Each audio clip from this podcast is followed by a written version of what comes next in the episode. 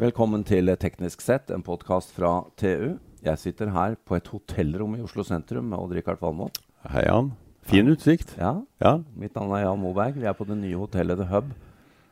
Her har, eh, går Nordic EV Summit av stabelen, den store elbilkonferansen. Mm. Og her har du fått meske deg nå Ja, i et par dager med virkelig noen av favorittområdene dine. Fantastisk. Altså, det er jo elbiler det, og lading og miljø og alt Hvor mulig. mange flere favorittområder har du fått? i Det har lagt på seg noen, Jan. Ja, vi får telle opp i løpet av weekenden. uh, men eh, vi skal uh, ikke snakke så mye om det, for at nå har vi en gjest her som vi bare må få snakke med. Mm. Uh, og dette er jo både en kapasitet og et produkt som vi er veldig interessert i. Odd Rikard. Det er det. Det Vi eh, kommer til å switche til engelsk. Ja. Uh, and welcome to you, Henrik Wenders. You're uh, the Vice President of Marketing for Byton. Exactly. Yeah. Thank you for having me, gentlemen. Oh, we, we love it. and uh, Odd-Richard and I, we, we spend a lot of time discussing Byton because we have seen the car. We've been sitting in it in Las Vegas at CES. Excellent. I And, uh, you know, you, you, you were on the stage yesterday and you, you have some news to tell us also about what's happening with Byton. Uh, there's actually a lot happening. Uh, so we are in the middle of the industrialization process. Uh, the car is coming rather soon. Uh, yeah, we, so we, we really can't, uh, Can't get wait. it fast enough because there are 11,000 Norwegians waiting for this car. Yeah, that was a big surprise to me. I have to, I have Yeah. to say, because we have been with a concept car here in Oslo uh, last summer. Yeah. So that was the first time when we were able to introduce uh, Byton and our M-Byte, our electric SUV, first time to the audience. And since then, our fan community is growing so dramatically, which is uh, at the same time not such a big surprise because when you look uh, at Norway um, in detail, um, it's the most important EV market. It is uh, the leading EV market in Europe. And uh, so this is why here I'm surrounded by people which completely understand uh, what the meaning of uh, the uh, future is looking like and in form of mobility. So it's great to be here again. And also some of the challenges. There are still some, but uh, they are solvable. There's no rocket science, right? So, in terms of cell technology, the next generation battery cells, they are providing range which is getting closer to the internal combustion engine range. Uh, also, the charging time is improving, so you can recharge uh, your battery uh, uh, in a relatively short period of time. Uh, and the infrastructure and the network uh, is growing. Yes, there are still some bottlenecks, but they will be solved in the upcoming years. And then we are finally talking about the time when the uh, electric vehicle, the electric powertrain, is comparable to the internal combustion engine powertrain. And this is the time when we will see the electric mobility to take over. Here we are far advanced, but then also the rest of Europe will follow rather soon. In the US, you have the West Coast, the East Coast, and uh, I'm living myself in China, the largest EV market in the world, uh, as big as Europe and the US together. Also, there uh, we will see um, the mega cities completely electrified. Yeah. We have to mention that that you you have a lot of years from the auto industry previously. Yes, I, um, I've been. Um, I'm so to say a so-called petrol head. uh, Yeah, so you have a lot to make uh, up I'm for. a true car. That's why that's why Odd-Richard befriended you. Yeah. he, he used to be a petrol head himself. Yeah, and uh, I will always uh, remain one, right? So Yeah. um, I love cars. There's no doubt about it. But uh, those kind of cars, those kind of petrol cars, and I also love personally, I love vintage cars very much. Um, and but it will become a, a hobby. Yeah. So yeah, I mean, here in Norway, you have a close connection to the sea. Right, so and imagine if I would be uh, the builder of sailing boats. So also in the future there will be sailing boats, but they will not be used to transport people from Europe to America anymore. No. So so this is the time and the comparison I'd like to Yes, use. yes. So um, uh, so yes, um, uh, also in the future I hope I can drive one or the other beautiful vintage car, but uh, the majority will drive in electric cars because we have to get rid of gigatons of CO2 in a relatively short period of time. Electrification is the solution, and uh, as soon as the electrific- electricity is being uh, produced in a sustainable way, then you are there. You are also the co-founder of Byton. Yes. Uh, and you have to shortly explain to us why you ended up in China. Um, yeah, because uh, China is a, is a, um, a gigantic um, economic machine, right? So there are 1.3 billion people working. So again, as a petrol head, you can compare um, uh, China uh, um, with a 12-cylinder engine. Yeah, so 1.3 billion people working, running. So the GDP is uh, uh, is um, breathtakingly high, and therefore the investment power is uncomparable with mm. any other countries on the planet Earth. So this is why uh, China is seeing their unique opportunity to get finally the technology into their mm. country. Because over the last 30 years, uh, the big OEMs, they had to establish, once they wanted to enter China, the market, they had to go for a 50 50 uh, shareholder yeah, structure. That's right. That's, and that's of right, course, yeah. the hope was to get the knowledge mm. into the country. 30 years later, it didn't happen. Now, with the electric mobility, this is the game changer.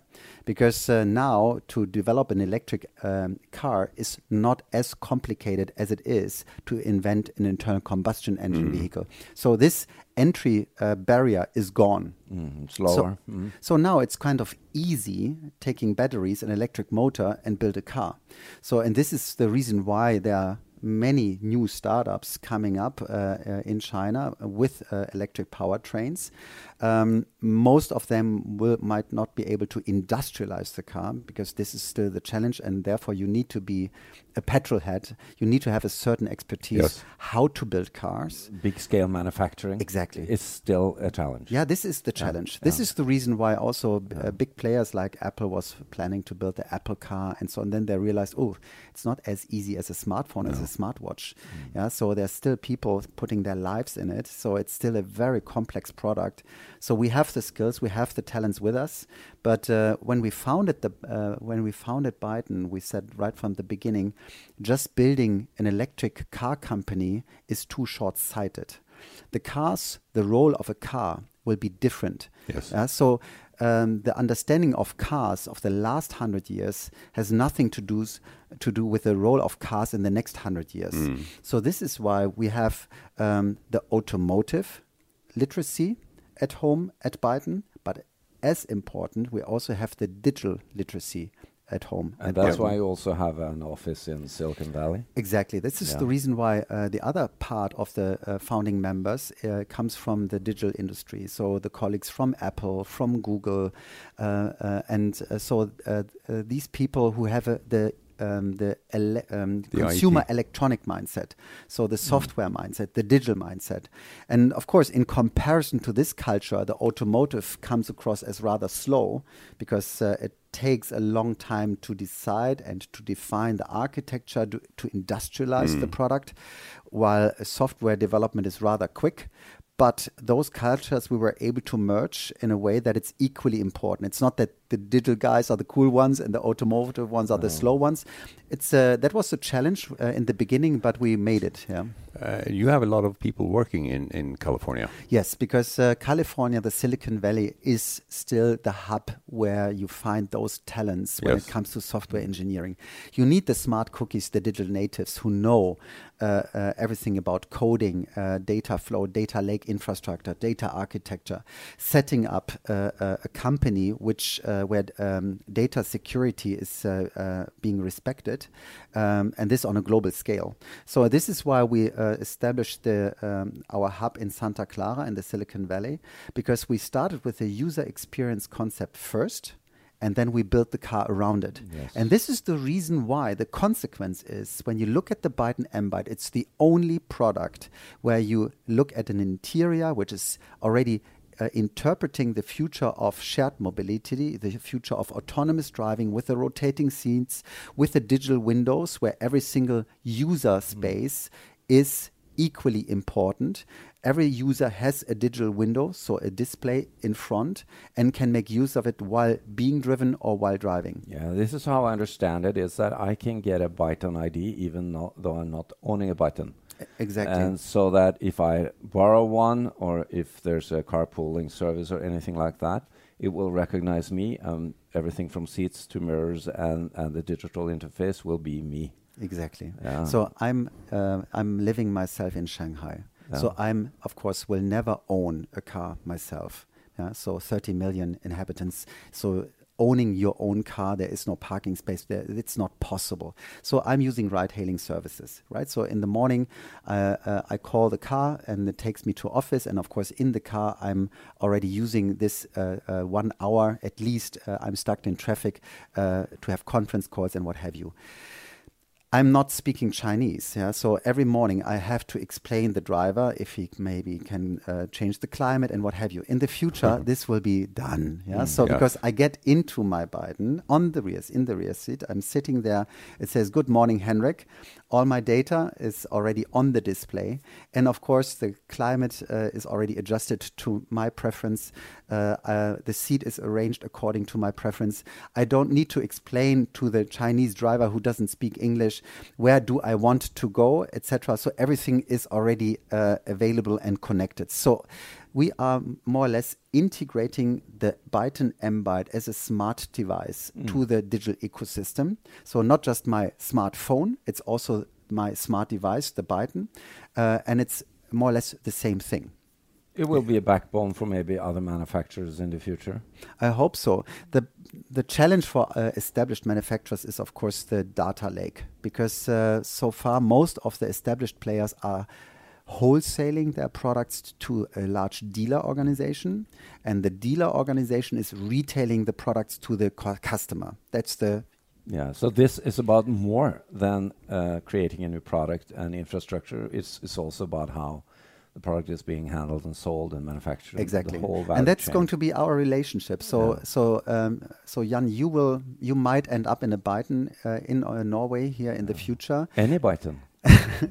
so and then you might uh, become our customer and then you will be a direct customer of Byton. So we are going for a direct sales model. Mm. So you buy your product directly from Byton. I know exactly what you want, and I know based on the data we can provide the digital services and products you are interested in. And uh, in case, for example, you are using uh, the marketplace Amazon, you are a user at home of Amazon Alexa, we can also integrate third parties. So our data lake uh, is um, uh, uh, divided in three sections. One is the car itself, so that the car is being connected. Uh, then the second one is the user, so that based on your Byton ID, you can also connect yourself to the car. And then, of course, the car knows all your preferences already. And then uh, the third party is exactly third parties, which we can integrate. So we don't need to invent our own voice recognition, uh, voice assistant service. Mm. So if you are an Amazon Alexa user at home and you are leaving home and you are simply continuing your journey in your Byton, then of course you would like to continue talking. along. Yeah, yeah. of course. Yeah. So that's the open platform. Of course, we have to make sure that it's uh, that the data are secured. That's our job. Yeah. That mm. the data uh, infrastructure is super secure. So this is why we are having the best uh, data security team with us. They built the data security system for Apple. Then they built the, the data security system for Tesla. Uh, now they're building the data security system for Byton. Mm. That's fundamentally important because again, we're not just talking about an car, about an automobile transporting you from A to B. We're talking about a smart device which is being connected to a digital ecosystem. But we, we have to talk a little about the car itself. Mm -hmm. what you've said so far is that you will have a you have two versions. Mm -hmm. There will be a two-wheel drive with yeah. a 70 kilowatt hour battery. Exactly and a four wheel drive with a 95 kilowatt hour battery. Mm -hmm, correct. And you told me yesterday that uh, the the four wheel drive will will be pushed forward. Yeah, so which, yeah, which so is probably good news for Norwegian customers. yeah, if we get them. yeah, when we get them, because not if, gentlemen, when you get them. Yeah, because that's what we want. We want four wheel drive and we want long range, because we are going to the cottage every weekend. So I'm not surprised at all. So that's the good thing. We know exactly what uh, is needed uh, because we have a certain expertise what customers mm. want where on the planet Earth. Mm. Uh, so we are applying a global approach. We are currently in the middle of the homologation process already. Yes. So we are industrializing the product. So last year we presented here in Oslo the concept cars, the Byton mm. M-Byte, the SUV, so our first model. Uh, uh, in Jan um, then uh, in January this year we presented the interior design of this serial production car. So you see when you compare the concept car with the serial production car, it's more or less the same. Yes. Uh, the, uh, it will also be the case uh, regarding the exterior design. This is something I can share with you here today already. That by July, uh, end of July, we will present the serial production car design to the world already. So then you know exactly What how, how your Byton M Byte car is going to look like from the inside, from the outside. Then end of this year, we are going to start the production. We start in China for China, uh, as I said in the beginning. A great home market. yeah, it's quite a big, big market. It's breathtakingly huge. Yeah. So uh, we start there. Um, of course, we will start with a low ramp up because we want to produce quality, and it's a new plant, it's a new platform, a new powertrain, a new architecture. So you cannot increase the production right from the beginning. So we will have a very low ramp up. And when I talk very low, that means uh, at least one quarter. You do just careful Tuning. manufacturing piece by piece because otherwise the quality is not uh, uh, uh, coming out of the pipeline. Then in the second quarter of 2020, we will start to ramp up. By then, the um, the workers are qualified; they know exactly what to do, even though the plant is uh, highly automated. But there's still craftsmanship being necessary for a good high-end quality car, which we are planning to build. And then in the second half of 2020, we will then reach uh, the regular production volume swing. Uh, and then end of 2020, we will uh, have completed the homologation for the US and European markets. And then we will start the production so that we then as of, um, I would say, December 2020, we can start the production of those models. And then we transport them from Nanjing, where the plant is being located, uh, via train over to Europe. And then I hope in the first quarter of 2021, I'm going to see you in one or the other Byton. Could you speed up that a little of for years. us? Well- please. Gentlemen, no, the- not at all. we, we we could talk for hours about this. And uh, Henrik Wenders, we're we're so pleased to have you on this podcast. Um, I realize you're busy, and we also have to uh, to close down this this uh, podcast. But one question that you have to answer before you go: We're used to the Teslas and also the Jaguars now here in Norway. Um, a brief description of how the Byton M will be different from those two models. I think, uh, first of all, it's going to be much cheaper. Yeah, because we want to make it uh, affordable. that's a bold statement. Yeah, and uh, we take it serious. This we made this statement already because when we tested the product, we realized that people are thinking uh, that it's a hundred thousand dollar car, and then we said, oh, oh, oh, oh, uh, we are ending uh, in the wrong shopping basket uh, because uh, that's for us not the market where we want to end up in because this is a niche market, and uh, uh, so our target is uh, to start as of forty five thousand dollars, and uh, uh, so to have a With pri- two-wheel drive. Um, the, no, that's the uh, two-wheel drive version. Yes. But uh, the extra price for uh, all-wheel drive, uh, you can, you will be able to compare the extra price for an all-wheel drive system with the current uh, extra price uh, you are paying for an all-wheel drive system in classical internal combustion engine vehicles. So I'm not going to release the pricing for the European market now, so two years prior to launch. Of course not. But uh, uh, what I can share here with you and the audience is that this car will be in this affordable price range because we are market oriented and the market is defining the price, not the manufacturer.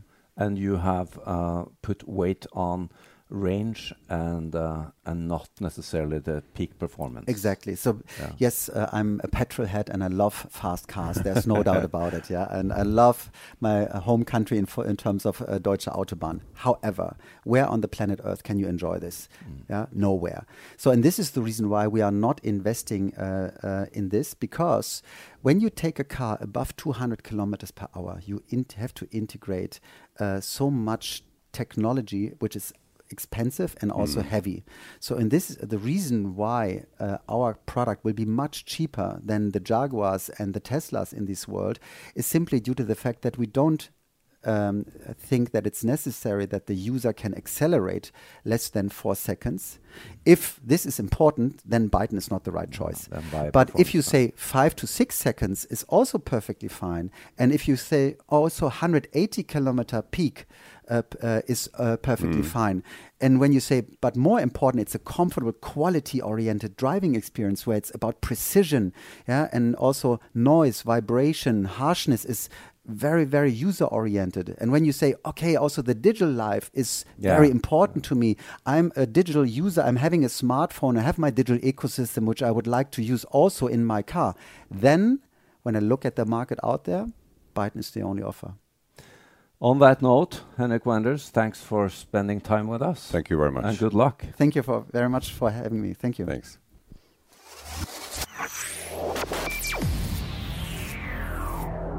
you.